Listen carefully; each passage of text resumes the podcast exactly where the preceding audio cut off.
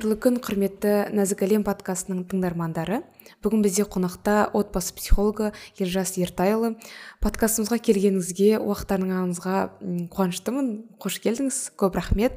Жалпы подкастты таныстырып өтсем бізде ә, подкасттың басты мақсаты қыздардың рухани және тұлғалық дамуына үлес қосу.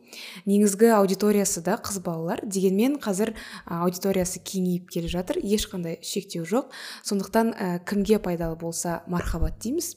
Ендеше құрметті елжас ертайұлы бірінші өзіңізбен таныстырып өтсеңіз оқырман тыңдармандарымызға.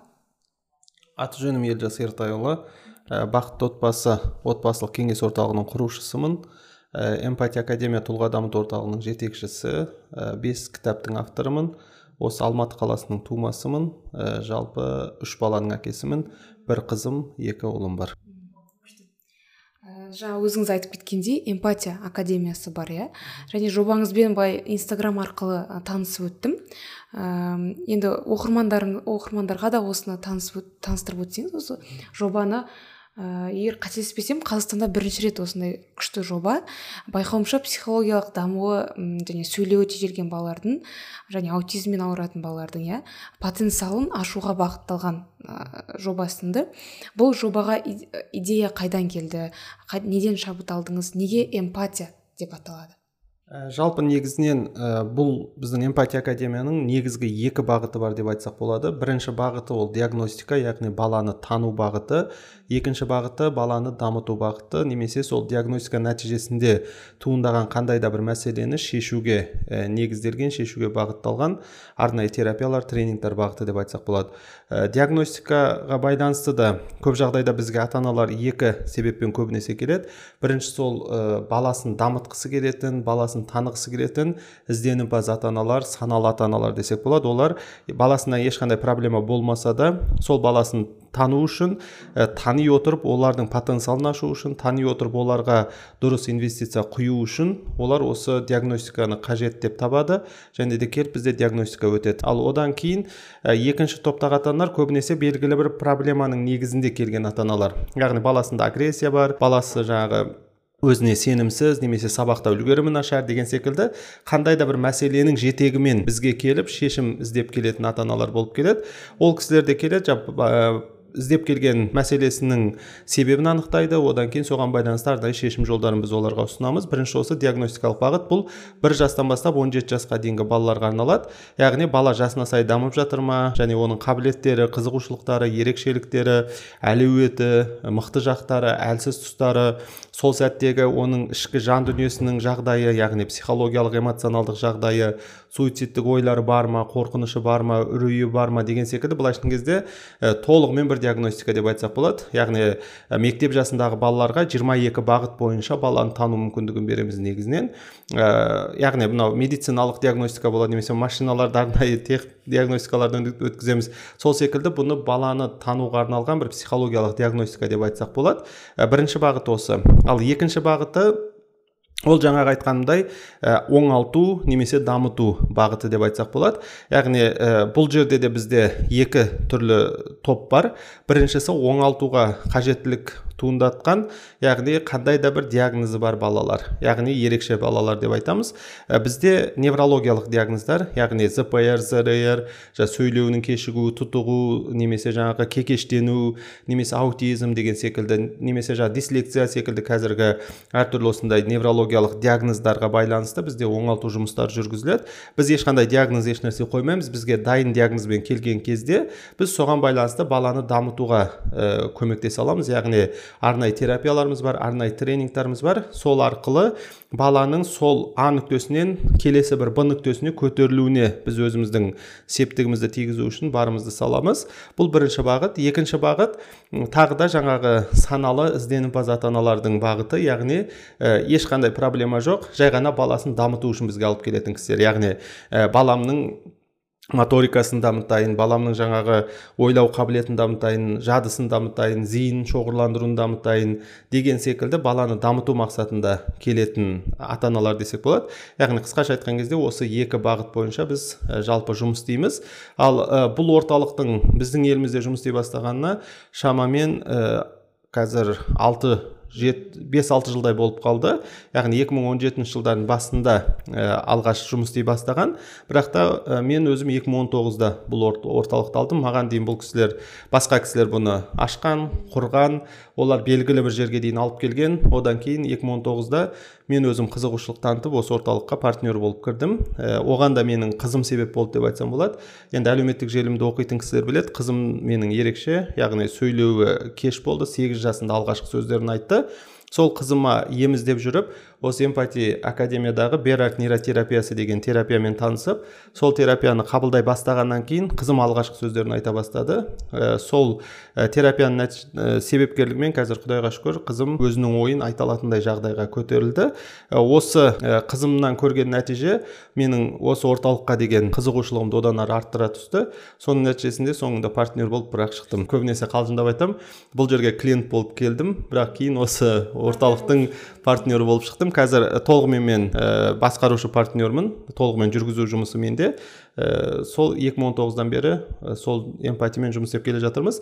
Енді эмпати деп ә, басында қойылған кезде қандай мақсатпен қойылды мен нақты білмеймін. Бірақ қазір біз оны былай ә, түсінеміз былай сипаттаймыз ата аналарға былай жеткіземіз. Ә, баланы тану арқылы ата ана өзін баласының орнына қойып көре алады. Яғни баласының жағдайын сезіне алады. Өйткені көп жағдайда бізде ата ана баласын танымайды өзінің көзілдірігімен қарап өзінің ойымен баланы кінәлай береді көбінесе. Бірақ бізге келіп баласын танығаннан кейін баласында проблема деп ойлап жүрген мәселелері негізінен ол баланың ерекшелігі артықшылығы екеніне көз жетеді. Осылайша баласының орнына өзін қойып өзі түсініп сезініп баласына дұрыс қарым қатынас орнатуға көшеді негізінен. Және эмпатия деген жалпы күшті сезім ғой. Күшті қасиет яғни басқа адамды сезе алу орнына қоя білу деген сияқты. Әм, күшті атын атының өзі негізі тартымды. Сосын ә, сіз келердің алдында телеграм канал бар. Сұраған едім оқырмандардан қандай сұрақтарыңыз бар? Ә, және көбінесе мені қуантқаны ә, әлі отбасы құрмаған адамдардың өздерінде де бір бала тәрбиесінен бір ә, белгілі бір білімі бар және сол білім соған қатысты сұрақтар да бар екен. Ә, көбісі осы бала тәрбиелесі бойынша болды. Бірақ сол оқырмандар сұрағына көшпес бұрын ә, балаңды тәрбиелеме өзіңді тәрбиеле деген ұғымға келсек сізде себебі сіздің дәл осы олай аталатын кітабыңызда бар. Осы ұғымды қалай түсінсек болады? Ә, өзіңді тәрбиеле дегенде бірінші сұрақ осы. Және мындай сұрақ болады да одан кейін бірден отбасы құрып қойдық. Ал енді отбасы құрғаннан кейін балалы болғаннан кейін өзімізді тәрбиелей аламыз ба деген сұрақ та бар да. Яғни осы екі сұраққа қалай жауап берсек болады? Ә, жақсы өте тамаша. Ә, иә менің екінші кітабым баланы тәрбиелеме өзің тәрбиеле деп аталады. Ә, бұл тіпті менің бала тәрбиесіндегі ата аналарға әрқашан ұсынатын айтатын ұраным деп айтсам болады. Себебі барлық нәрсе айналып келген кезде ата ананың өзіне келіп тіреледі. Ә, сондықтан ә, бұл жерде әрбір ата ана бірінші кезекте ә, баланы тәрбиелеуге уақыт жұмсағаннан гөрі бірінші өзінің тәрбиесіне көңіл бөлсе әлдеқайда дұрысырақ болады. Енді бұл жерде ата аналар тәрбиесіз бе деген сұрақ туындауы мүмкін заңды бір сұрақ. Ә, мен педагог ретінде бұл жерде айтарым мен ешбір ата анаға сіз тәрбиесіз деп айтуға менің құқығым жоқ мен олай айтпаймын да. Тек қана мен мынандай бір ә, түсінік анықтама беруге тырысамын егер сіздің айтқан сөзіңіз бен істеген ісіңіз бір біріне сәйкес келсе онда сіз тәрбиелі ата анасыз ал егер сіздің айтқан сөзіңіз бен істеген ісіңіз бір біріне қарама қайшы болса онда сіз өз өзіңізді тәрбиелеуіңіз керек. Яғни тәрбиені сырттан біреуден күтпейсіз. Біреу келіп сізді тәрбиелеп бермейді сіз ол жастан өтіп кеттіңіз. Сіз өзіңізді өзіңіз тәрбиелеуіңіз керек. Яғни ә, көп жағдайда ата аналардың осы айтқан сөзі мен істеген ісі бір біріне қарама қайшы келіп жатады. Яғни балам кітап оқымайды ә, дамымайды үйренбейді ізденбейді деп ренжиміз. Бірақ та кішкене өзімізге назар салып қарайтын болсақ өзіміз де соның ар жақ бер жағындамыз. Өзіміз кітап кітапты ең соңғы қашан ашқанымыз есімізде жоқ. Өзіміз телефоннан баса алмаймыз. Ерте ертең таңның атысында телефонмен көзімізді ашып сол телефонмен қайтадан ұйқыға кетеміз деген секілді. Яғни өзіміз дамымайтын ата ана бола тұра балаларымыздан ол нәрсені күтуіміз белгілі бір деңгейде бір әділетсіздік болып есептеледі. Сондықтан егер біз баламыздың дамуын қаласақ онда біз дамушы ата ана болу керекпіз. Яғни баламыздың кітап оқуын қаласақ онда баламыз біздің кітап оқығанымызға куә болу керек. Яғни күнделікті кемінде он он бес жиырма минут болса да біздің кітап оқу сағатымыз болып баламыз бұны көруі керек деп есептеймін. Өйткені өзімнен де көріп жүрген және де ә, оқырмандарымнан да маған кері, кері байланыс ретінде келіп жатқан нәрселерден байқағаным осыны мысалы мен семинарларда ұсынғаннан кейін іс жүзінде бұны қолданған ата аналар мысалы айтып жатыр ә, осылай оқып бастадық артынан баламыз да өзінің кітабын сүйреп оқып бер деп маған алып келді дейді мысалы. Сондықтан да жалпы осы көз тәрбиесін дұрыс бере алу өте маңызды деп ойлаймын.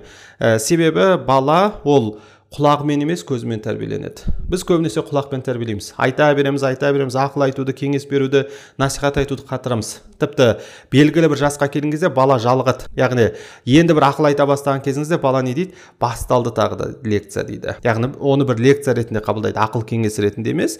Ә, өйткені неге? Құлақ толған. Бірақ көзіміз әлі аш. Сондықтан да балалардың көзін тойдыру керек деп ойлаймын. Яғни өзіміздің іс әрекетіміз арқылы балаға дұрыс үлгі болу мәселесін бірінші орынға қою керек деп есептеймін. Сол кезде ә, біздің бала тәрбиесіне байланысты біраз мәселеміз шешілер еді деген бір ойдамын.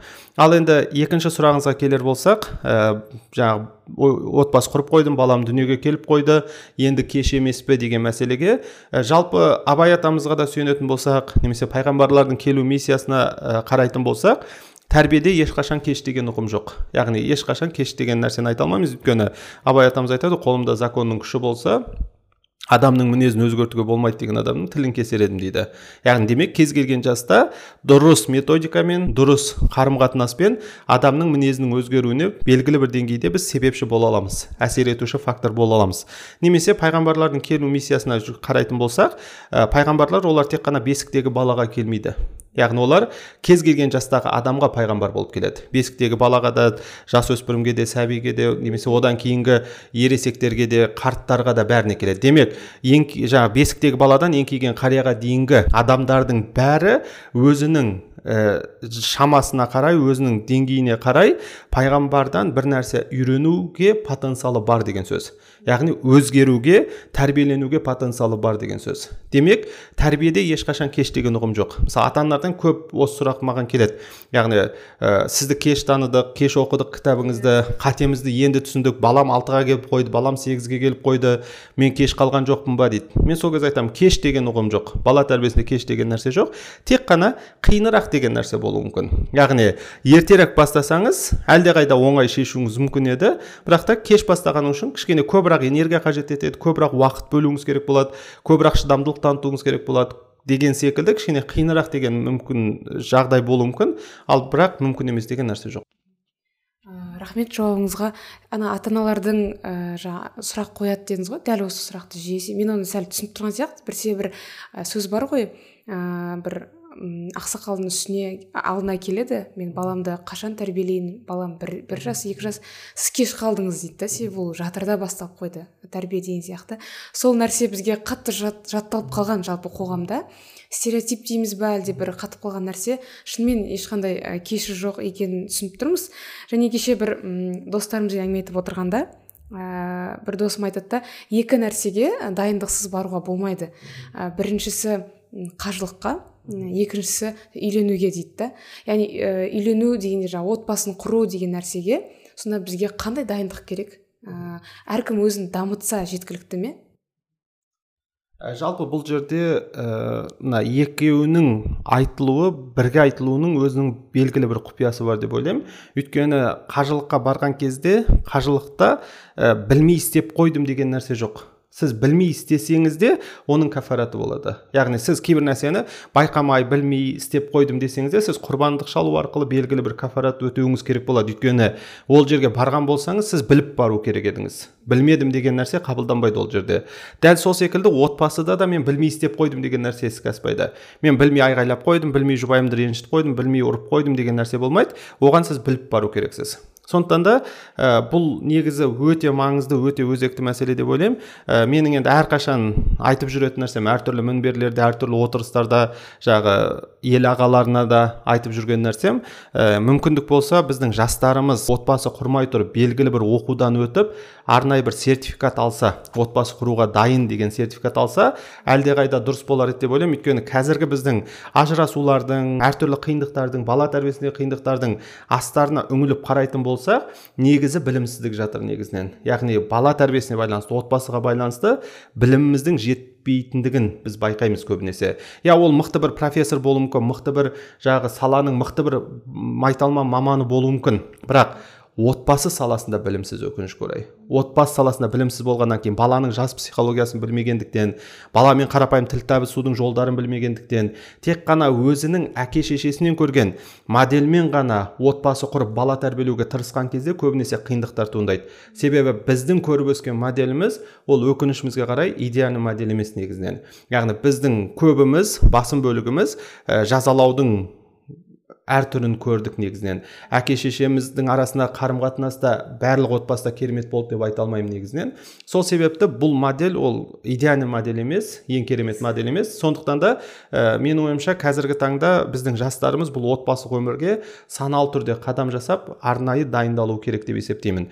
Енді осыны айтқан кезде мен енді бұны 2016 жылдан бері айтып келе жатырмын. Өйткені мен 2016-та алғаш семинарларымды бастаған кезде бірінші бойдақтарға бастағам. Яғни бойдақтарға жар таңдау тақырыбы отбасы өмірге дайындық одан кейін бала тәрбиесіндегі басты қағидалар деген үш бөлімнен тұратын семинар өткізіп алты сағаттық.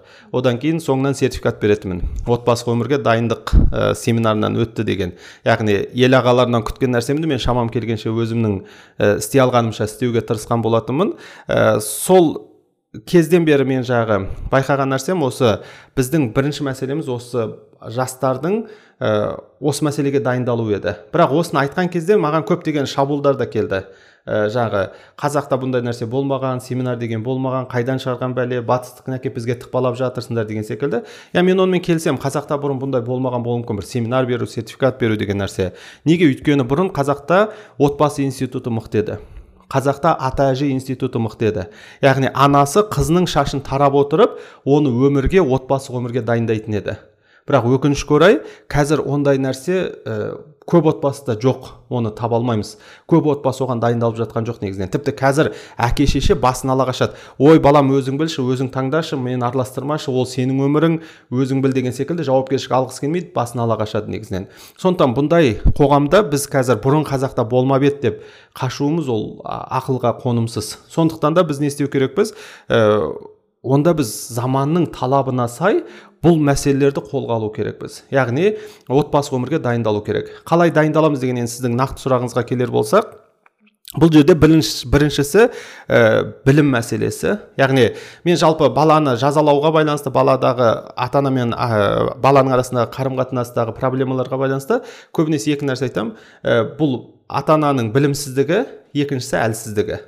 Яғни менің ойымша осы отбасы құрар кезде осы екі мәселеге көңіл бөлу керек секілді. Білімсіздік пен әлсіздік. Білімсіздік деген ол жаңағы айтқанда бір салада білімді болуы мүмкін бірақ отбасы саласында білімсіз болатын болса онда ол осы салада білімін толықтыру керек. Оған байланысты арнайы кітаптар оқып арнайы семинар тренингтерге қатысып немесе арнайы аға әпкелерінің кеңестерін ақыл кеңестерін тыңдау арқылы өзінің осы отбасыға байланысты фундаментті қалыптастыру өте маңызды деп ойлаймын. Яғни отбасы құрмай тұрып ол жұбайлар арасы қарым қатынастағы басты қағидаларды ә, бала тәрбиесіндегі басты қағидаларды біліп баратын болса ол кезде білмей қателесу ықтималдығы төмендейді негізінен. Ал екіншісі әлсіздігі дедік. Әлсіздік деген ол оның ішкі жан дүниесінің әлсіздігі рухани сезімтал әлсіздігі.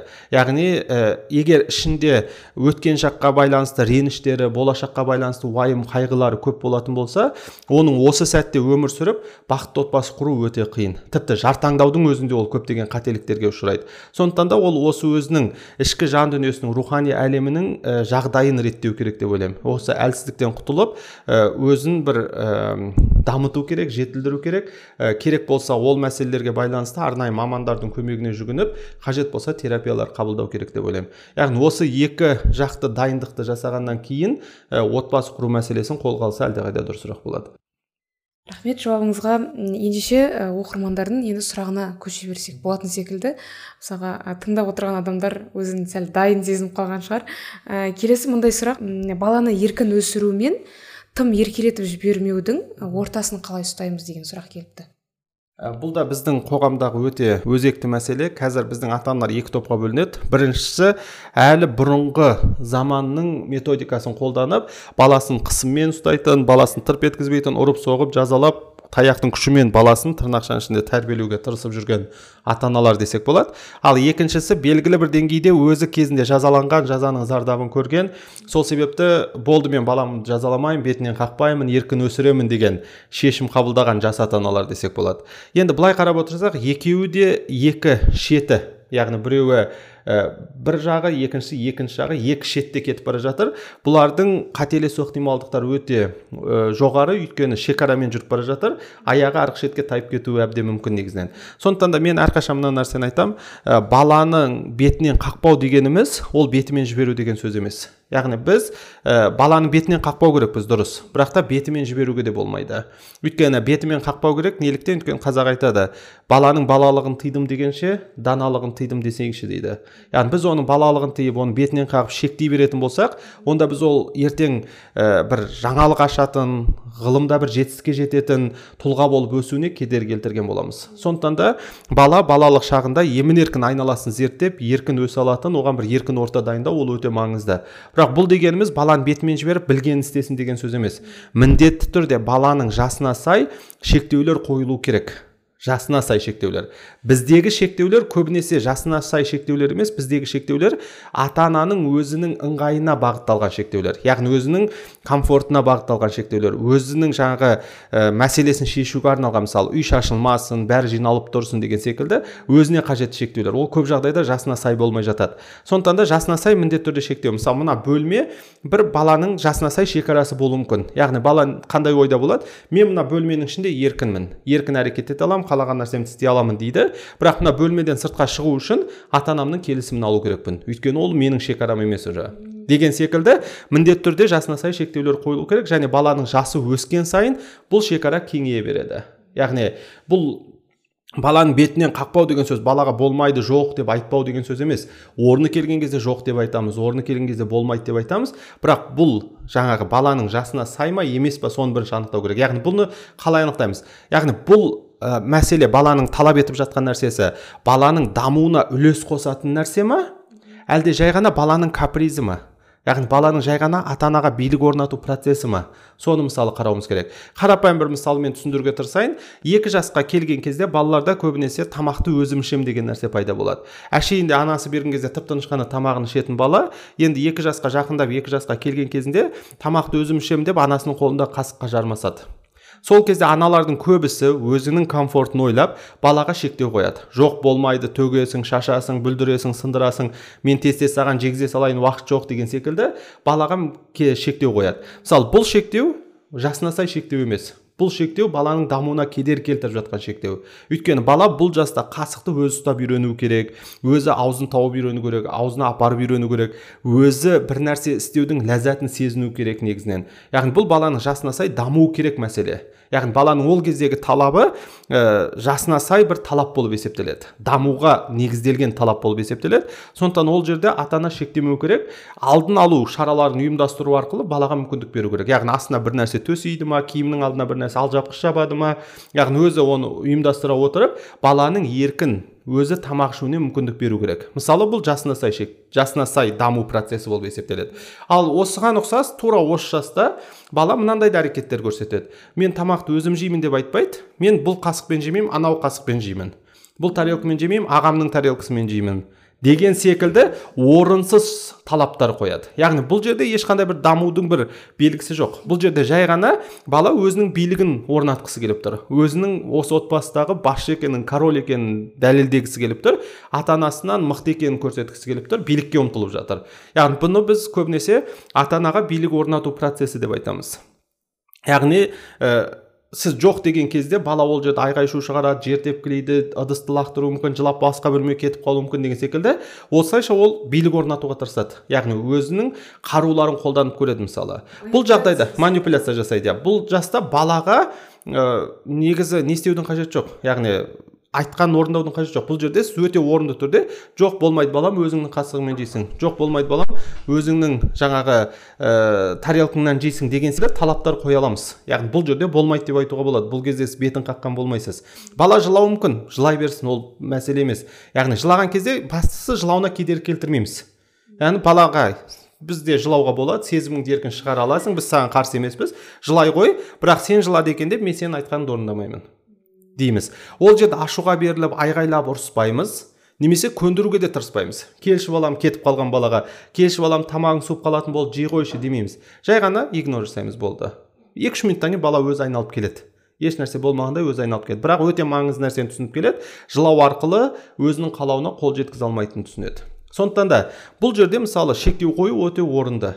Осы секілді кез келген жаста баланың әрекеттеріне ата ана талдау жасай алу керек. Яғни бұл баланың ә, дамуына қажетті талап па әлде жай ғана баланың билік орнатуға тырысуы ма? Немесе баланың жай ғана бір еркелігі капризі ма?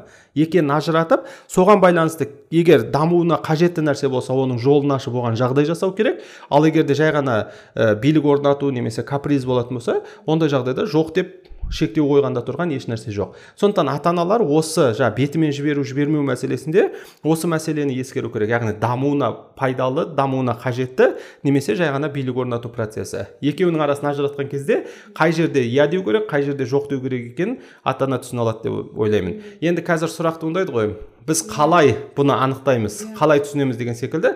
Міне алдыңғы сұрақпен байланыстыратын болсақ бала тәрбиесіне алдын ала дайындалу деген осындай жағдайларда қажет болады. Яғни біз алдын ала оқитын болсақ ізденетін болсақ жас психологиясын білетін болсақ қай жаста бала нені талап етеді қай жаста балаға не қажет не қажет емес екенін ә, кітаптардан оқып семинарларға қатысып білетін болсақ ондай жағдайда біз талдау жасай аламыз. Мынау балаға керек бұл жаста мынау балаға керек емес деген секілді. Сондықтан білім міне осындай кезде көмектеседі. Сондықтан мен жаңа бойдақтарға айтқаным секілді әрқашан айтатын нәрсем және арманымның біреуі ә, негізі ата аналарға да ата ана болмай тұрып ата ана бола алады деген куәлік беру керек деп ойлаймын. Мысалы біз қарапайым бір темір тұлпарға мінер кезде оны жүргізе алады деген арнайы куәлік аламыз. Ол үшін оқимыз сынақтан өтеміз одан кейін барып ол куәлікті аламыз мысалы. Ол куәліксіз ол машинаны жүргізуге сіздің құқығыңыз жоқ негізі. Ал енді ойлап көрейік біздің баламыз жаңағы темір көлік пен салыстырған кезде құнды емес па сонда? Яғни біз сонда темір көліктің бұзылуын немесе басқа айналаға қоғамға зиян тигізуін қаламаймыз а бірақ баламыздың болашағына балта шабылуына көз жұма аламыз ба деген заңды сұрақ туындайды сондықтан да менің ойымша ә, ата аналардың да ата ана болмай тұрып арнайы оқудан өтуі арнайы бір ә, базалық негізгі білімді алды деген бір ә, куәлік алуы маңызды деп ойлаймын. Сол кезде мына мәселелер шешіледі. Күшті күшті жауап. Ыыы еще сіз айтып жатсыз ғой темір тұлпар мен баланы салыстырып. Ә, тек қана құндыдан бұрын ә, күрделі жаратылыс та. Адам темір тұлпар екі түр болуы мүмкін механик автомат иә. Ал бала мысалы әр бала ерекше. Мысалға төрт баласы болған ата ананың өзі бесіншісі мүлде басқа бала болып ә, дүниеге келуі мүмкін ерекше болып. Енді келесі мұндай сұрақ. Ана мен сіздің сіздің қызыңыз бар ғой сол әке ретінде сұрап жатырмын. Ана мен қыздың және әке мен қыздың арасындағы қарым қатынас жайлы білгісі келеді екен оқырмандар. Себебі мындай мындай ұзақ ә, сұрақ болды оқи айта салайын иә. Айтады да қазақ қоғамында ә, қыздар көбінесе әкеден сәл алыстау өседі. Яғни қатты еркелей алмайды ә, сәл өскеннен кейін уже мойны асылып еркелеу деген ондай нәрсе қалады. Тек қана анамен сырласып қаламыз. Және біз мысалға мен өзімде ә, шегін біле алмай қаламын мысалы әкемен уже өсе келе сәл алыстау ал анамен керісінше тым жақын құрбыдай болып кетеміз да оның да бір шегі бар ма? Екеуінің айырмашылығы. Жақсы өте тамаша. Ә, бұл жерде жаңа да айтып өткенімдей анасы қызының шашын тарап отырып шашын өріп отырып өмірге дайындаған деп отырмыз ғой. Ә, бұны басқа бір жерде былай айтады. Жалпы ұлға да қызға да қатысты. 15 жастан кейін досыңдай сырлас деген жағы ұғым қолданылады. Яғни ә, негізінен менің ойымша бұл жерде ә, о қыз үшін анасы да маңызды әкесі де маңызды. Бізде көп жағдайда қоғамда мынандай бір қате түсінік қалыптасқан. Ә, қыздың тәрбиесіне анасы жауапты ұлдың тәрбиесіне әкесі жауапты деген секілді жағдайлар қарастырылған. Иә бұл ә, еңбекке баулу тұрғысынан мүмкін кейбір тәртіпке баулу тұрғысынан және жыныстық тәрбие беру тұрғысынан мүмкін осындай рөлге бөлуге болатын шығар. Яғни қызға анасы ұлға әкесі деген деген секілді. Ал бірақ та махаббат мейірім тұрғысынан жылулық тұрғысынан қарым қатынас тұрғысынан бұндай шектеу қою менің ойымша дұрыс емес. Ә, ұлға анасы да қажет әкесі де қажет. Қызға анасы да қажет әкесі де қажет. Екеуі де негізінен ә, бірдей деңгейде қажет деп есептеймін. Сондықтан да бұл жерде әкелер өздерін шектемеу керек және де әкелер ә, бұл жауапкершіліктен қашпау керек деп есептеймін. Ә, сол себепті бұл жерден сіздің сұрақтарыңызға жеке жеке жауап беретін болсақ анасы мен қызының арасының өте жақын болуында ешқандай бір проблема жоқ. Бірақ бұл жерде мына мәселені ескеру керек. Кейбір батыстың кітаптарында яғни шетелдің деп айтайыншы шетелдің кітаптарында ә, әке шеше мен бала дос болу керек деген ұғымды көбінесе қолданып жатады.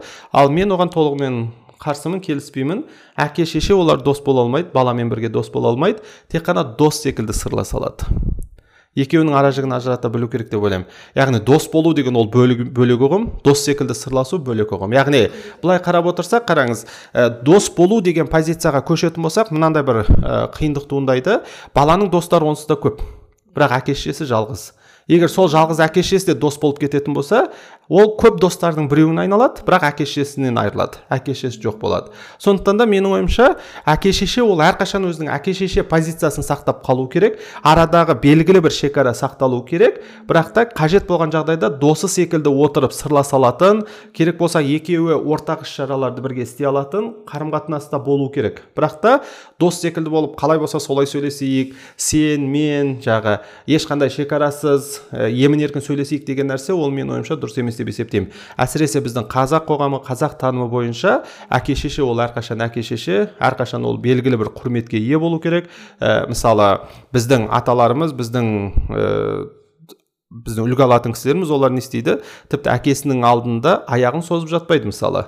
Ал дос болған жағдайда аяғын созу ол ең қарапайым нәрсе болып қалады. Яғни тіпті кейбір ғұламалардан оқып жатамыз әкесінің бағытына аяғын созбайды. Қасында емес мына бағытта әкесі жататын болса сол бағытқа аяғын созбайды бізде көбінесе қыбылаға созбау керек құрмет деп есептейді ғой. Сол секілді әке шешесі бар бағытқа аяғын созбайтын ғұламалар кездескен мысалы. Сондықтан біздің танымымыз біздің түсінігіміз бойынша әке шеше ол әрқашан құрметке ие. Өйткені қазақта әке шешең жынды болса да байлап бақ деген ұғым бар. Құранда тіпті тух деп болса да оларға қарсылық білдірмеу керек екендігі айтылады мысалы. Сондықтан да ә, осы қағидалар бұзылып кетпеу үшін олар дос болмау керек. Өйткені дос болса бұл қағидалар бұзылады. Өйткені достардың арасында көп жағдайда шекара болмайды негізінен. Кез келген тақырыпта кез келген мәселені емін еркін сөйлесе алады. Сондықтан дос болмау керек дос секілді сырласу керек ана мен қыз болсын әке мен ұл болсын немесе ұл мен әке болсын маңызды емес яғни кез келген ата ана мен бала дос секілді сырласа алу керек енді жаңа шекара ретінде осы шекараны ескерсеңіз болады ал әке мен қыздың арасында керісінше жақындық болу керек деп есептеймін яғни жаңағы сіз айтқандай алыстық емес керісінше жақындық болу керек себебі ә, қыз үшін әкесі былай қараған кезде алғашқы махаббаты ол. Яғни алғашқы ер адам ретінде оның алғашқы махаббаты былай айтқан кезде ер адамға деген түсінігі ер адамға деген сенімі ол әкесі арқылы қалыптасады. Сол себепті керісінше әкесі барынша жақындық орнатып ә, қызына қажетті ер адамның энергиясын ер адамның махаббатын жеткілікті деңгейде беру керек деп ойлаймын. Былай айтайық бір вакуум бір ыдыс ретінде ойлаңыз. Ер адамның жаңағы толтыру керек махаббат толтыру керек ыдыс деп есептеңіз. Егер әкесі оны бермейтін болса ол жер бос қалады. Бос қалғаннан кейін ол бос болған нәрсе әрқашан бір талап етеді іздеп тұрады. Иә қарнымыз асқазанымыз бос болып қарнымыз ашатын болса тамақ іздейміз ғой. Сол секілді ол да махаббат мейірімді іздеп тұрады. Осылайша ол бой жеткен кезде көбінесе өзінен үлкен ә, жігіттерге жүгіру олармен достасуға тырысу әкесінен ала алмаған махаббатты энергияны олардан алуға тырысу деген секілді бір ізденіске көшіп кету қаупі бар екенін айтады зерттеулерде. Енді бұл ізденіс қыздың тарапынан ол бір жыныстық негіздегі ізденіс емес ол бір махаббатты жылуды қорғаныс қорғанды сезінуге негізделген ізденіс болады. Бірақ арғы шеттегі жігіт оны олай қабылдамайды. Арғы шеттегі жігіт оны тікелей жыныстық негіздегі ұмтылыс деп есептейді. Осылайша ә, көп көптеген күтпеген жағдайлар туындауы мүмкін. Сол себепті ә, менің ойымша әкелер керісінше қыздарына жақын болып махаббат мейірімді толығымен беру керек деп есептеймін. Ә, бізде көбінесе кедергілердің біреуі жаңағы ә, қызды анасы тәрбиелеу керек деген ұғым болса тағы да бір мәселе ә, жыныстық тәрбиенің жыныстық сауаттылықтың жетіспеушілігі деп есептеймін. Өйткені кейбір әкелерде мына бір үрей де болуы мүмкін. Яғни қызым есейді ә, мен оған жақындай алмаймын. Яғни деген секілді. Ал негізінен құранда мысалы ә, некелесуге болмайтын араларында некеле түспейтін ә, топтар бар мысалы. Бұлардың біреуі қызы мен әкесі. Қыз бен әкенің арасында неке түспейді екеуі ешқашан некелесе алмайды. Яғни демек неке түспейді деген сөз бұл жерде мынаны түсінуіміз керек. Демек жаратылыс бойынша оларда бір біріне жыныстық сезім оянбайды деген сөз. Егер адами қасиетінен айырылып қалмаған болса адами қасиетінен айырылып адами құндылығын жоғалтып алмаған болса әкенің ешқашан қызына деген жыныстық сезім оянбайды қыздың әкеге деген жыныстық сезім оянбайды. Сондықтан бұл жерде ешқандай уайымдаудың қорқудың қажеті жоқ. Қызы қанша есейсе де үлкейсе де құшақтауында бірге отыруында ешқандай бір қорқыныш болмау керек деп есептеймін. Өйткені олардың арасында жыныстық сезім оянбайды. Ал егер жаңағы ішіп алып немесе басқа басқа құндылықтардан айырылып жатса енді ол кездерде болуы мүмкін. Өйткені кейбір педофилдік оқиғаларда ә, әке тарапынан зорлық зомбылық көрген қарындастарымызда көбінесе кездесіп жатады. Ол адами қасиетінен айырылған кісілер. Ол бөлек мәселе. Ал адами қасиетінен айырылмаса олардың арасында жыныстық сезім туындамайды. Сондықтан ешбір әке ол жерде уайымдамау керек. Қызда ешқандай уайымдаудың қажеті жоқ. Әрине әдеп шеңберінде болуы керек бірақ та жағы жақындамай қашып бір бөтен қыз секілді қарауының ешқандай қажеті жоқ деп есептеймін. түсінікті. Рахмет көп. Ә, әсіресе жаңағы жауабыңыз ә, құрбы дос секілді сырласу мен дос болудың айырмашылығын енді түсіндім. Себебі менде де басымда всегда сұрақ болатын. Мен ә, дос сияқты боламын бірақ бір шынымен бір барьер бар да. Енді мысалы анаммен отырып әзіл айта алмаймын деген сияқты. Жүрегіне қабылдап қалуы мүмкін олар енді бірден түсінбейді ғой. Күшті жауап болды рахмет. Ә, енді мындай сұрақ. Қазір қазақтың қоғам қазір емес бұрыннан бар негізі. Қазақ қоғамында жаңағыдай ер баланы дүниеге келсе ә, өте күшті қуанады негізі. Қыз бала дүниеге келсе аса қатты қуанбауы мүмкін.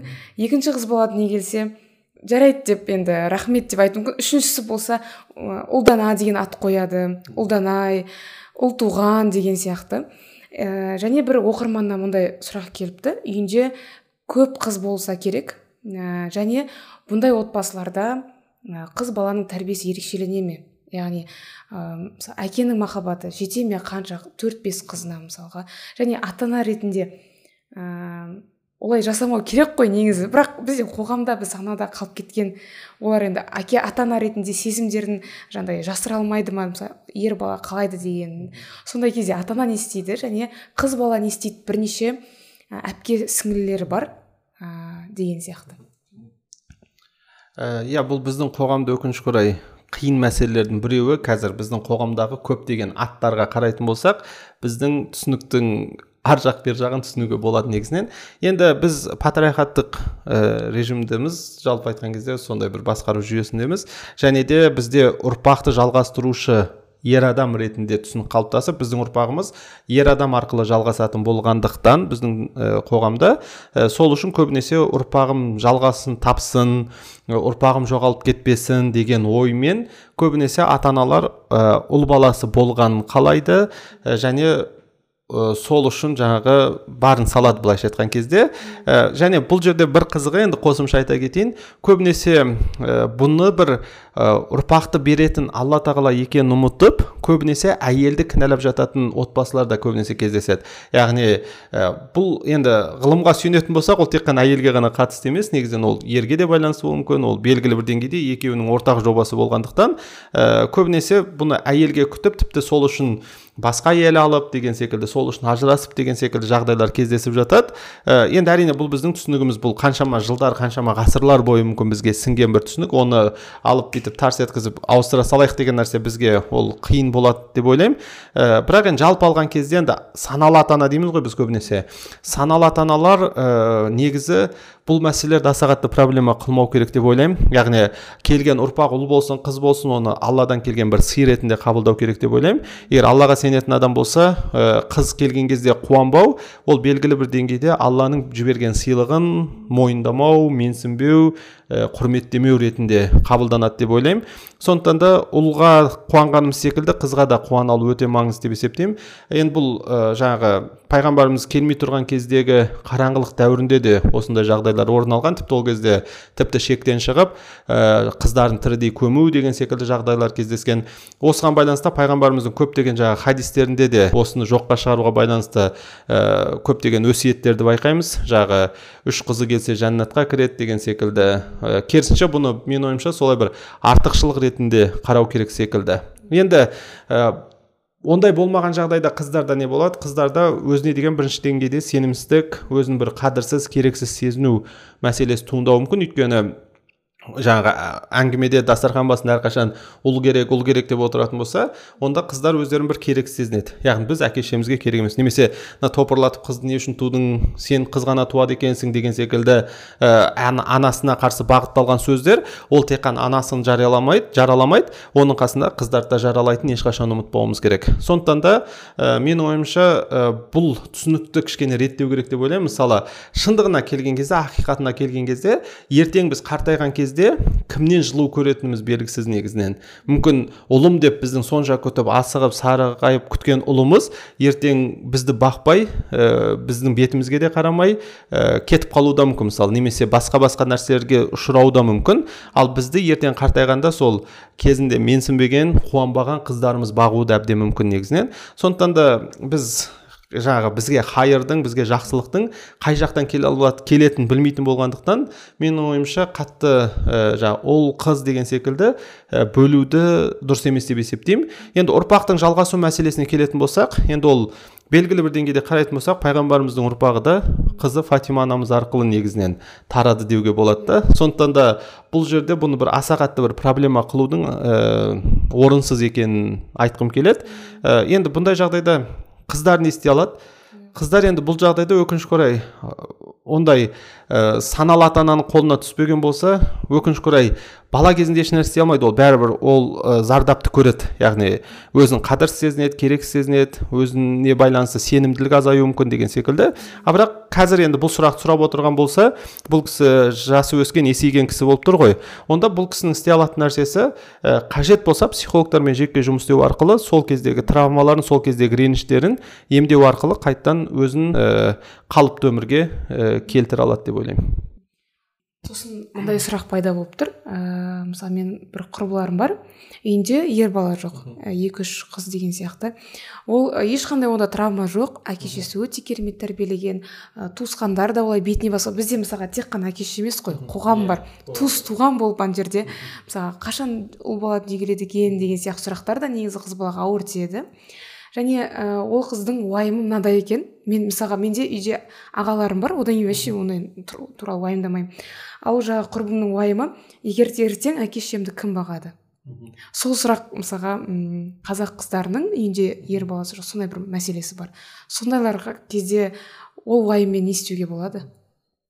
Бұндай жағдайларда енді ә, тек қана әке шешені баласы бағу керек деген негізі ұлы бағу керек деген менің ойымша заңдылық болмау керек деп ойлаймын. Әке шешені егер ұлы жоқ болып тұрса тем более ондай жағдайда қызының бағуында тұрғанда ешнәрсе жоқ секілді. Бұл жерде ең бастысы ол қыздардың жар таңдауда қателеспеу өте маңызды. Жаңағы кейбір нелерге қатып қалған бір түсініктегі кісілер болатын болса енді ондай жағдайда кішкене қиын болу керек. Қиын болуы мүмкін. Бірақ енді кішкене болса да бір жүрегі бар кішкене болса да бір мейірімділігі ақылы бар ер адам енді басқа қарайтын басқа баратын жері жоқ екенін көре тұра өзінің жұбайының әке шешесін сыртқа итереді деп ойламаймын негізінен. Енді баласы ұлы болып тұрған кезде айтуы мүмкін енді ұлы бақсын өзі қара шаңырақ иесі ғой деген секілді. Ал бірақ та ондай болмаған кезде кез келген ер адам өзінің ата енесін өзінің қолына алып оларға қамқор бола алады деп есептеймін. Бұған байланысты мен өзімнің таныстарымның арасында ондай жағдайлар бар. Мысалы менің оқушымның інісі мысалы қазір өзінің енесімен бірге тұрады. Неге? Өйткені оның өзі қыздары ғана бар жақында ғана әкесі қайтыс болды а қайынатасы. Одан кейін енді енесі жалғыз қалғаннан кейін қазір ол өзінің әке шешесімен емес ә, енесімен бірге тұрып жатыр мысалы. Сондықтан да бұндай жағдайлар менің ойымша кішкене болса да адами қасиетін жоғалтпаған ер кісілер үшін аса қатты қиындық туындатпайды деп ойлаймын. Ал бірақ кейбір қатып қалған ана бір тас секілді түсініктері болып қалған кісілер үшін онда қиындық туындайды. Енді ең несі ә, ескерілу керек мәселесі болмаса бұл қыздар бұл енді олар үшін маңызды бір пункт болып тұр ғой. Ішінде біреуі қайсы біреуі болса да біреуі кемінде бұны өзінің болашақ жарымен ашық сөйлесу керек деп ойлаймын. Яғни жар таңдау барысында да сөйлесу керек критерийлер бар ғой. Сол критерийлердің қатарына осыны қосу керек. Менің осындай осындай жағдайым бар. Мен әке шешемнің басқа қамқор болатын қамқоршысы жоқ. Ертең қажет болған жағдайда яғни олар өз өзіне қызмет көрсете алатын кезде мүмкін бізге мұқтаждық сезінбеуі мүмкін. Бірақ қажет болған жағдайда яғни мен ол кісілерге қамқор болу керекпін. Яғни менімен бірге осы қамқорлықты жасай аласыз ба жасауға дайынсыз ба деген секілді болашақ жарымен сөйлесіп осыған дайын осындай жағдайды проблема деп есептемейтін жар таңдауға тырысу керек деп есептеймін. Сондай жармен отбасын құрықса алдағы уақытта ол қиындық туындатпайды деп есептеймін. Рахмет. Күшті жауап бердіңіз. Енді келесі мындай сұрақ. Іштегі бір внутренний ребенок болады ғой иә? Мен ойлап жүрдім тек қана менде бар деп ә, сөйтсем көп адамдарда бар екен. Барлығында болатын нәрсе ма ол нәрсе? Және ұм, дұрыс өтпеген бұл балалық шақтан ба? Әлде ә, ол одан арылу керек па әлде арылмаймыз ба ол бола беретін нәрсе ма сол іштегі внутренний ребенок туралы? Сөйлесейікші.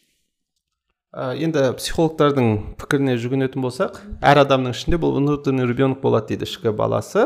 Өйткені енді бұл айналып келгенде біз бала болдық қой. Бала болғаннан кейін балалық шағымызда біздің орындалған арманымыз бар орындалмаған арманымыз бар сезіне алған сезіміміз эмоциямыз бар сезіне алмағандарымыз бар деген секілді. Сондықтан да бұл болады. Және де сол кезде қалыптасқан белгілі бір таным түсінік сол кездегі бір қалыптасқан модель бар деген секілді. Енді белгілі бір деңгейде бұның ә, бұл ішкі баланың адамның өмірін бағыттайтындығына байланысты пікір айтатын мамандар да кездесіп жатады. Яғни содан әсер, көбірек әсерленетіндігін айтатын жағдайларда. Сондықтан енді мен ойымша бұны жатырқаудың қажеті жоқ секілді. Яғни бұндай ә, ішімізде ол болуы мүмкін. Яғни мен бұны көп жағдайда енді мен психолог емеспін мен педагогпын ғой. Сондықтан да көп жағдайда мен бұны ә, мысалы мысалдар ретінде семинарымда ә, бала кезде орындалмаған армандар көбінесе ата ананың баласымен қарым қатынасына әсер етіп жатады. Яғни мен көрмеген қызықты балам көрсінші мен қатыспаған үйірмеге қызым қатысыншы деген секілді баласының болашағын бағыттау барысында сол кезіндегі өзінің ішіндегі ана ренжіп қалған арманына жете алмай қалған баласы әсер етіп жататындығы мен байқаймын. Соны көбінесе мысал ретінде айтамын сондықтан менің ойымша оны бір жатырқамай керісінше егер ондай нәрсе сезіп жатқан болсақ ішімізде бір сондай бір ренжіп тұрған ә, бала мұңайып тұрған бала көретін болсақ онда соны қуантып өзіміздің ішкі жан дүниемізге көңіл бөліп эмоциямызға көңіл бөліп керек болса сол балалық шақтағы істей алмаған кейбір нәрсемізді қазір істеп көріп оны бір арман болудан шығару керек деп есептеймін. Мысалы бұл тіпті белгілі бір деңгейде біздің эмоциямызды сезінуге ә, балаларымызбен эмоционалдық дұрыс қарым қатынас орнатуға көмектесетін жағдай бұған ә, белгілі бір деңгейде біздің балаларымыз көмекші бола алады. Яғни бұл эмо, эмоцияларымызды бұл ішкі баланы ә, қуантуға мысалы ол үшін жаңағы пайғамбарымыз саллаллаху алейхи уассаламның баласы бар адам баласымен бірге бала болсын дейді ғой. Сол хадисіне сүйене отырып баламен бірге бала болсақ шынымен сол баланың деңгейіне түсіп баламен бірге сол эмоцияларды бөлісе алсақ сол кезде біздің ішіміздегі бала да біздің баламызбен бірге ойнау арқылы қуана алады деп ойлаймын. Яғни бұған байланысты мен мысалы мынаны ұсынамын. Керек болса балаңызбен бірге мысалы мир фэнтезиға барыңыз анау аттракциондарда бірге ойнаңыз мысалы. Және ол жерде өзіңізді ұстамаңыз өзіңізді қыспаңыз. Керек болса қолыңызды айқара ашып яғни бар даусыңызбен балаңызбен бірге айғайлаңыз эмоцияңызды шығарыңыз деген секілді іштегі қысылып қалған сезімдеріміз шықпай қалған эмоцияларымыз орындалмай қалған армандарымыз қуана алмай қалған сәттерімізді осылайша қазір баламызбен бірге қайтадан ә, қолға ала аламыз деп ойлаймын. Күшті. Сонда мен де ойлайтынмын мысалға внутренний ребенок деген сезімді алла тағала босқа бермеген шығар. Біз балаларымызбен ойнау үшін берген шығар. Әйтпесе ә, сондай бір деңгейге түсу баланың деңгейіне түсу негізі үлкен ересек адам үшін внутренний ребенок болмаса шынымен қиын сияқты. Оның бұл сезімнің де берілу хикметі содан болар. Көбінесе ә, психологтар осыны былай айтып жатады. Жаңағы менің өзім досым бар жасұлан ағамыз психолог. Сол кісі мысалы өзімнің ішімдегі баламды еркелеттім ішімдегі баламды қуанттым деген секілді өз өзіне сыйлық алған кезде өзін өзіне бір іс шара ұйымдастырған кезде көбінесе осылай айтып жатады негізінен. Күшті. Рахмет. Ә, енді мындай сұрақ бұл сұрақ өте сәл ауырлау болуы мүмкін.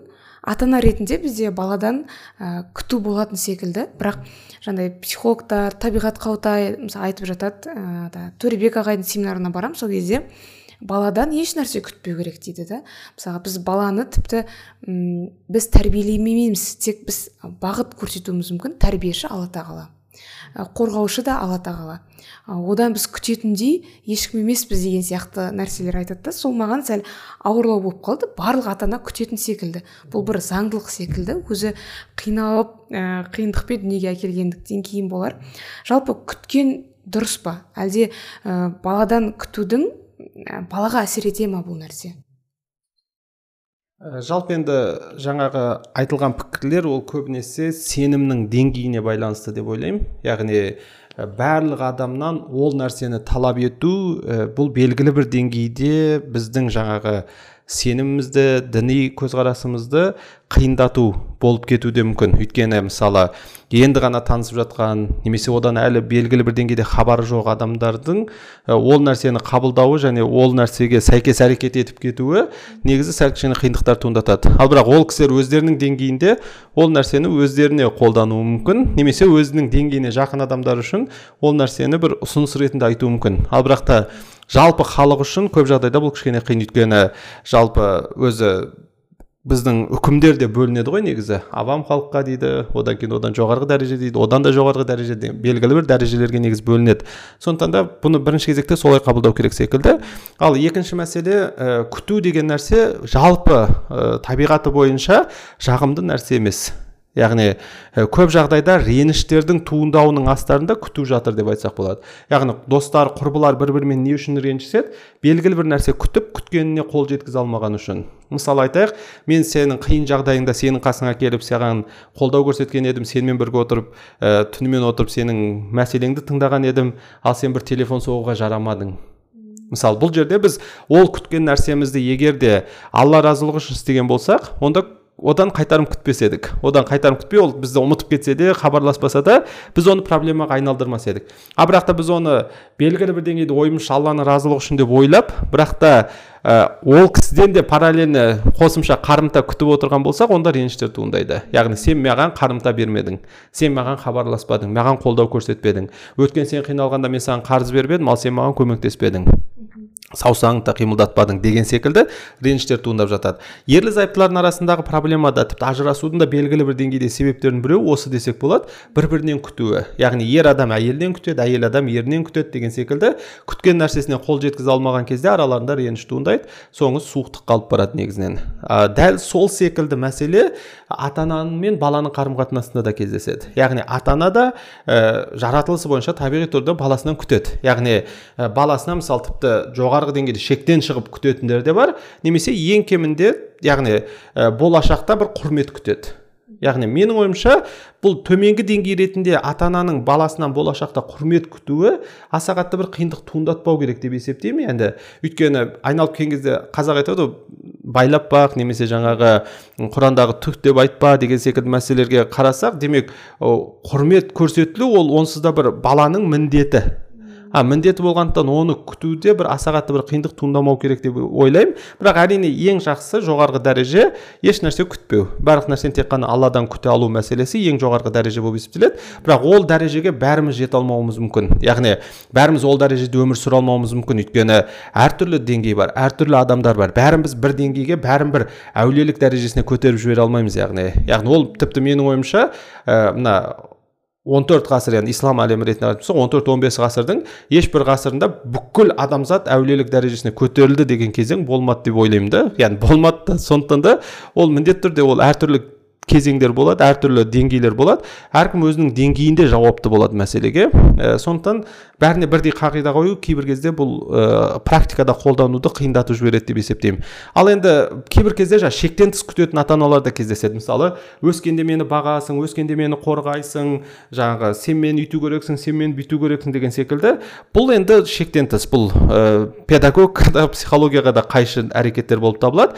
Сондықтан өскенде бағуды күту немесе өскенде жаңағы мысалы болады жақсы білім аласың бір жерде профессор боласың артындағы бүкіл бауырларыңды оқытасың бізге қарайласасың деген секілді күтулер бұл енді орынсыз күтулер. Яғни бұл балаға мен бұны былай айтамын балаға орынсыз жүк жүктеу арқылы оны мыжып езіп тастау негізінен.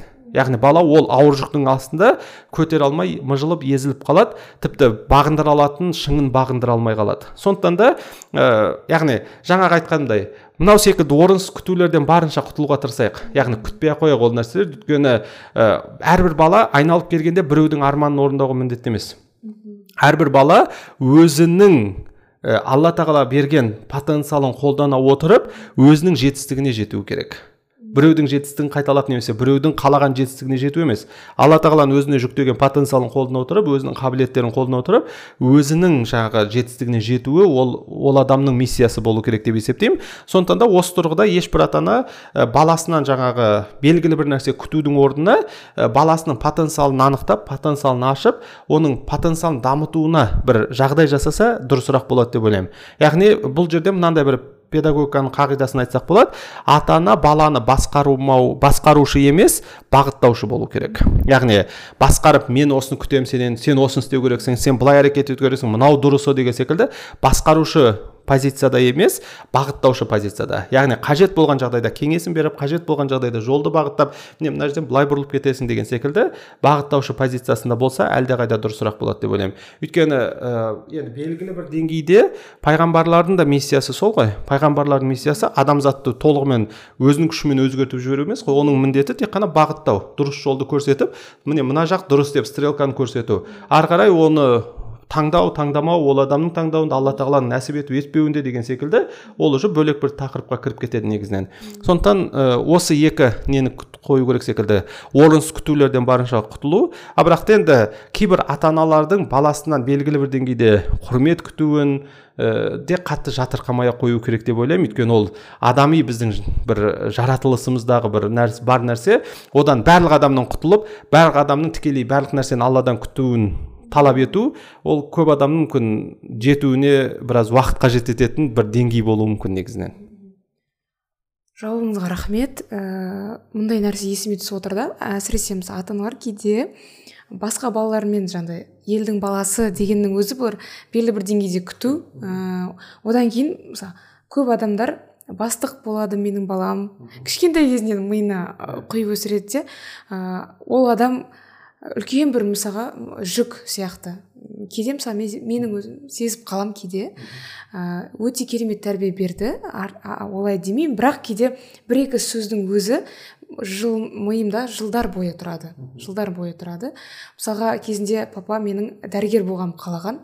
Мен әлі күнге шейін миымда мүмкін мен ауыстырамын дегенде.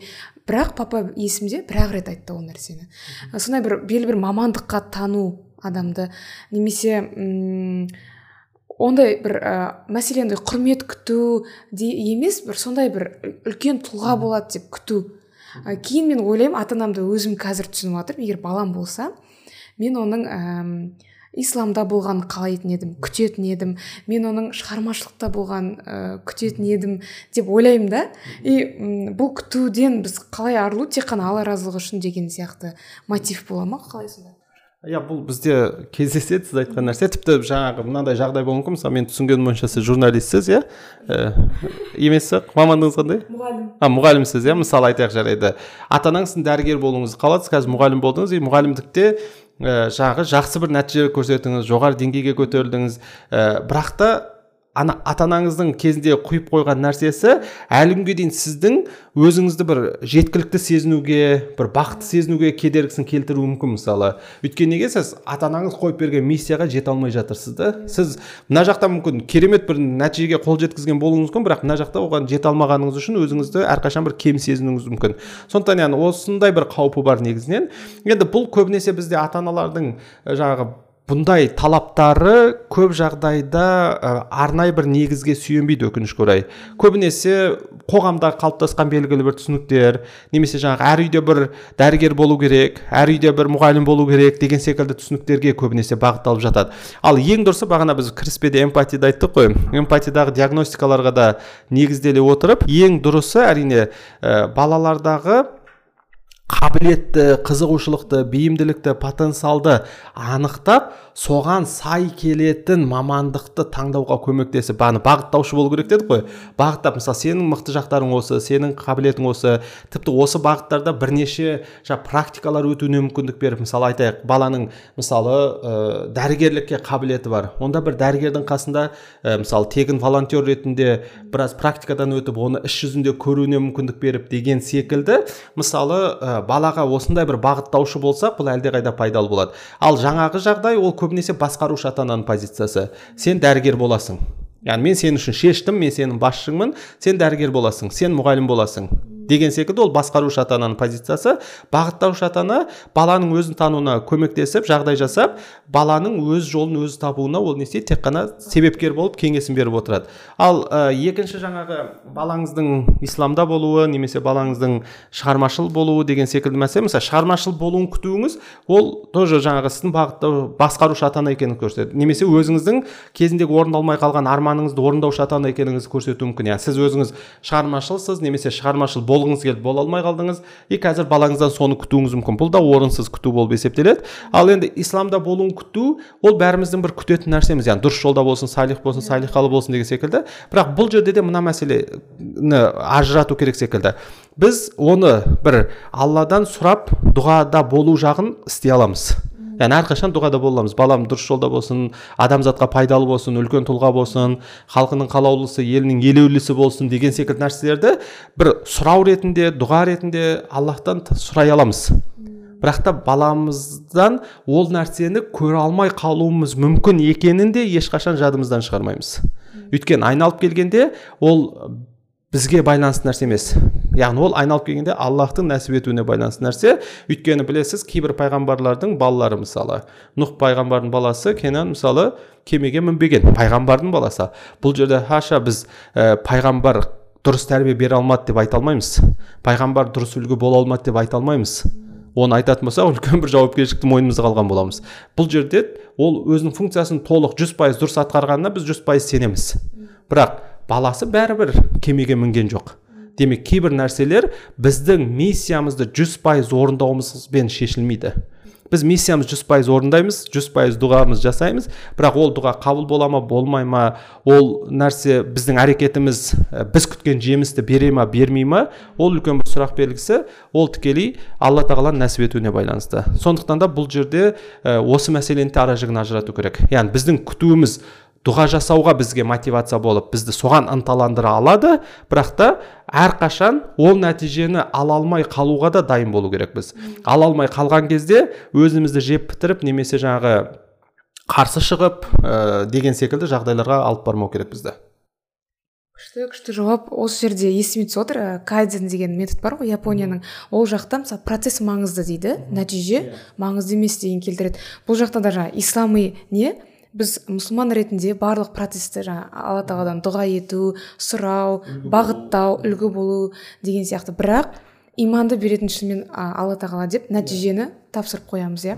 Күшті. Сосын бір семинарларда айтқан еді эмоция ол босқа беріп тұрған жоқ алла тағала оны шығару керек. Яғни бұл күту деген эмоция оны бәлкім алла тағала дұға ету үшін беруі иә. мүмкін. Yeah. сол үшін болуы мүмкін. Сіз айтқаннан кейін ойыма келіп жатыр. Күшті жауап рахмет.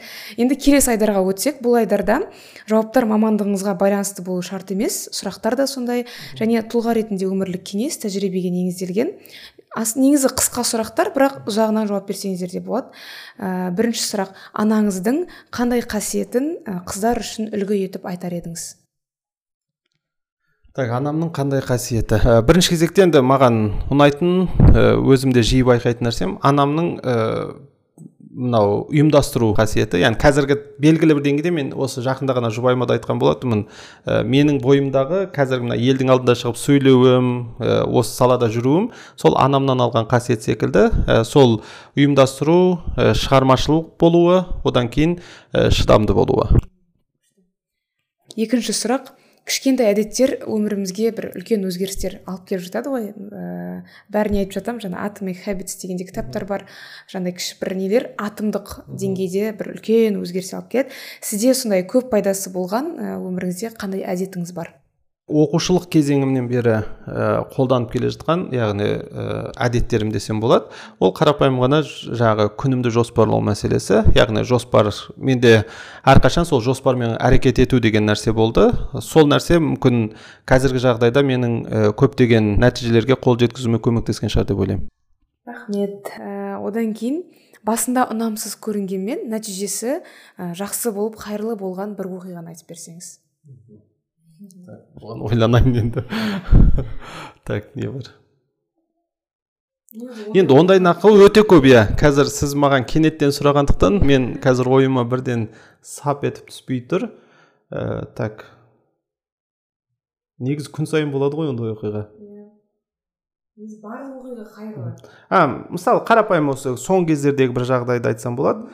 Ә, соңғы кездердегі мысалы мынау соңғы бір екі ай бұрынғы тығырыққа кішкене материалдық тұрғыдан тіреле бастау мысалы бастапқыда ұнаған жоқ. мысалы ә, кітаптарым сатылмай бастады курстарым өтпей бастады кәдімгідей бір материалдық тығырыққа келгендей болдым. бірақ бұл маған бір жаңа бір серпіліс жасауға көмектесті. соның нәтижесінде аяқ астынан шешім қабылдап қазір бүкіл қазақстанды аралап бастадым. Мысалы қазір бес қалада семинар өткіздім. жоспарым бойынша бүкіл 19 қалада семинар өткізу деген жоспарым бар. Ә, мысалы бұны да айтсақ болатын шығар деп ойлаймын. өйткені басында ол маған бір қиын қиындық секілді болып көрінді. Бірақ қазір ә, осылай ел аралап бүкіл көптеген ата анаға пайдалы болу мүмкіндігін сыйлады десем болады. Ә, негізі айтады ғой қиын кездерде күшті идеялар келеді. Ми жақсырақ ми жақсырақ жұмыс істейді иә күшті. Одан кейін мындай сұрақ әр адам өзі үлгі тұтатын тұлғаға сай бой түзейді. Ә, енді бізде пайғамбарымыз саллаллаху алейхи және сахабалар болуы мүмкін. Бірақ сізден сұрақ тап қазіргі ә, үлгі ететін адамыңыз осы ғасырдағы деп осы ғасырда бізбен замандас деген кісілер болатын болса енді ондай адамдар да негізі жалғыз емес деп ойлаймын. Енді айналып келген кезде сабақ аламын үлгі аламын десе көбісі үлгі бола алады ғой. Бірақ енді қазіргі істеп жүрген қоғамдағы атқарып жүрген істер бойынша қайрат ағамызды айтсақ болатын шығар.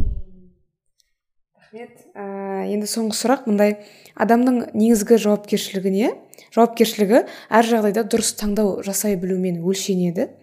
Ә, ал дұрыс шешім қабылдау үшін адамдар бір миларында бір өзіндік бір ұстанымдары принциптары болады. Ә, сонда дұрыс шешім қабылдау үшін қандай принцип болу керек негізі? Ә, жалпы негізінен енді менің өзімнің ойымша барлық шешім тек қана ми арқылы дұрыс шешімге барады деп ойламаймын. Өйткені біздегі жалғыз ә, бізді алдыға сүйреуші ол тек қана ми емес. Енді абай атамыз да оны жүректі қосады деген секілді. Сондықтан да ақыл қайрат жүрек деген үштікті біріктірген кезде біз ә, кемел адам жа толық, толық толық адам бола аламыз. Сондықтан да менің ойымша осы жүректі де тыңдай білу маңызды секілді. Оның ішінде әсіресе ар ождан деген нәрсені тыңдай білу. Өйткені бізге кейбір кезде ақылымыз миымыз кейбір нәрсені бізге пайдалы қылып көрсетуі мүмкін. Бірақ ол пайдалы нәрсе ә, мүмкін айналамыздағы адамдарға қоғамға адамзатқа басқаларға зиян тигізетін нәрсе де болып қалуы мүмкін. Өйткені мен енді оған мысал ретінде өзім семинарымда мынаны айтамын ә, әлемдік мысалы тирандар мысалы диктаторлар миллиондаған адамның өліміне себеп болған кісілер олар ақымақ болды деп айта алмаймыз. Олар мықты болды ақылды болды. Олар жаңағы ә, ерік жігері мықты болды. Бірақ та оларда бір нәрсе жетіспеді. Олар өкінішке орай ар ождандарының дауысын ести алмады деп ойлаймын. Яғни сондықтан да ә, енді дұрыс шешім қабылдауға байланысты менің ойымша адам өзінің ар ожданын ести алу керек деп ойлаймын. Және де оны жаңағы қосымша сылтаулармен нәпсіміздің даусымен өшіріп тастамауға тырысуымыз керек деп ойлаймын. Күшті. Мен бірінші рет естіп тұрмын ар ожданның дауысы дегенді. Шынымен ойлап қарасақ ол сөйлейді ар ождан шынымен іштей. Күшті рахмет көп көп келгеніңізге. Жауаптарыңыз ә, сондай пайдалы болды. Кейбір сұрақтарды тіпті мен қоймадым. Себебі оның алдындағы жауапта ә, бәрі жауап берілді. Негізі бала тәрбиесі деген ол үлкен тақырып бір айлық семинар жүргізетіндей да мысалға. Ә, бірақ ә, негізгі сұрақтарды қамти алдық деп ойлаймыз. Алда сізбен ә, жақсы подкасттарда күтеміз. Рахмет көп көп келгеніңізге. Сізге де көп көп рахмет. Сәттілік тілеймін сіздерге. Жақсы сау болыңыздар.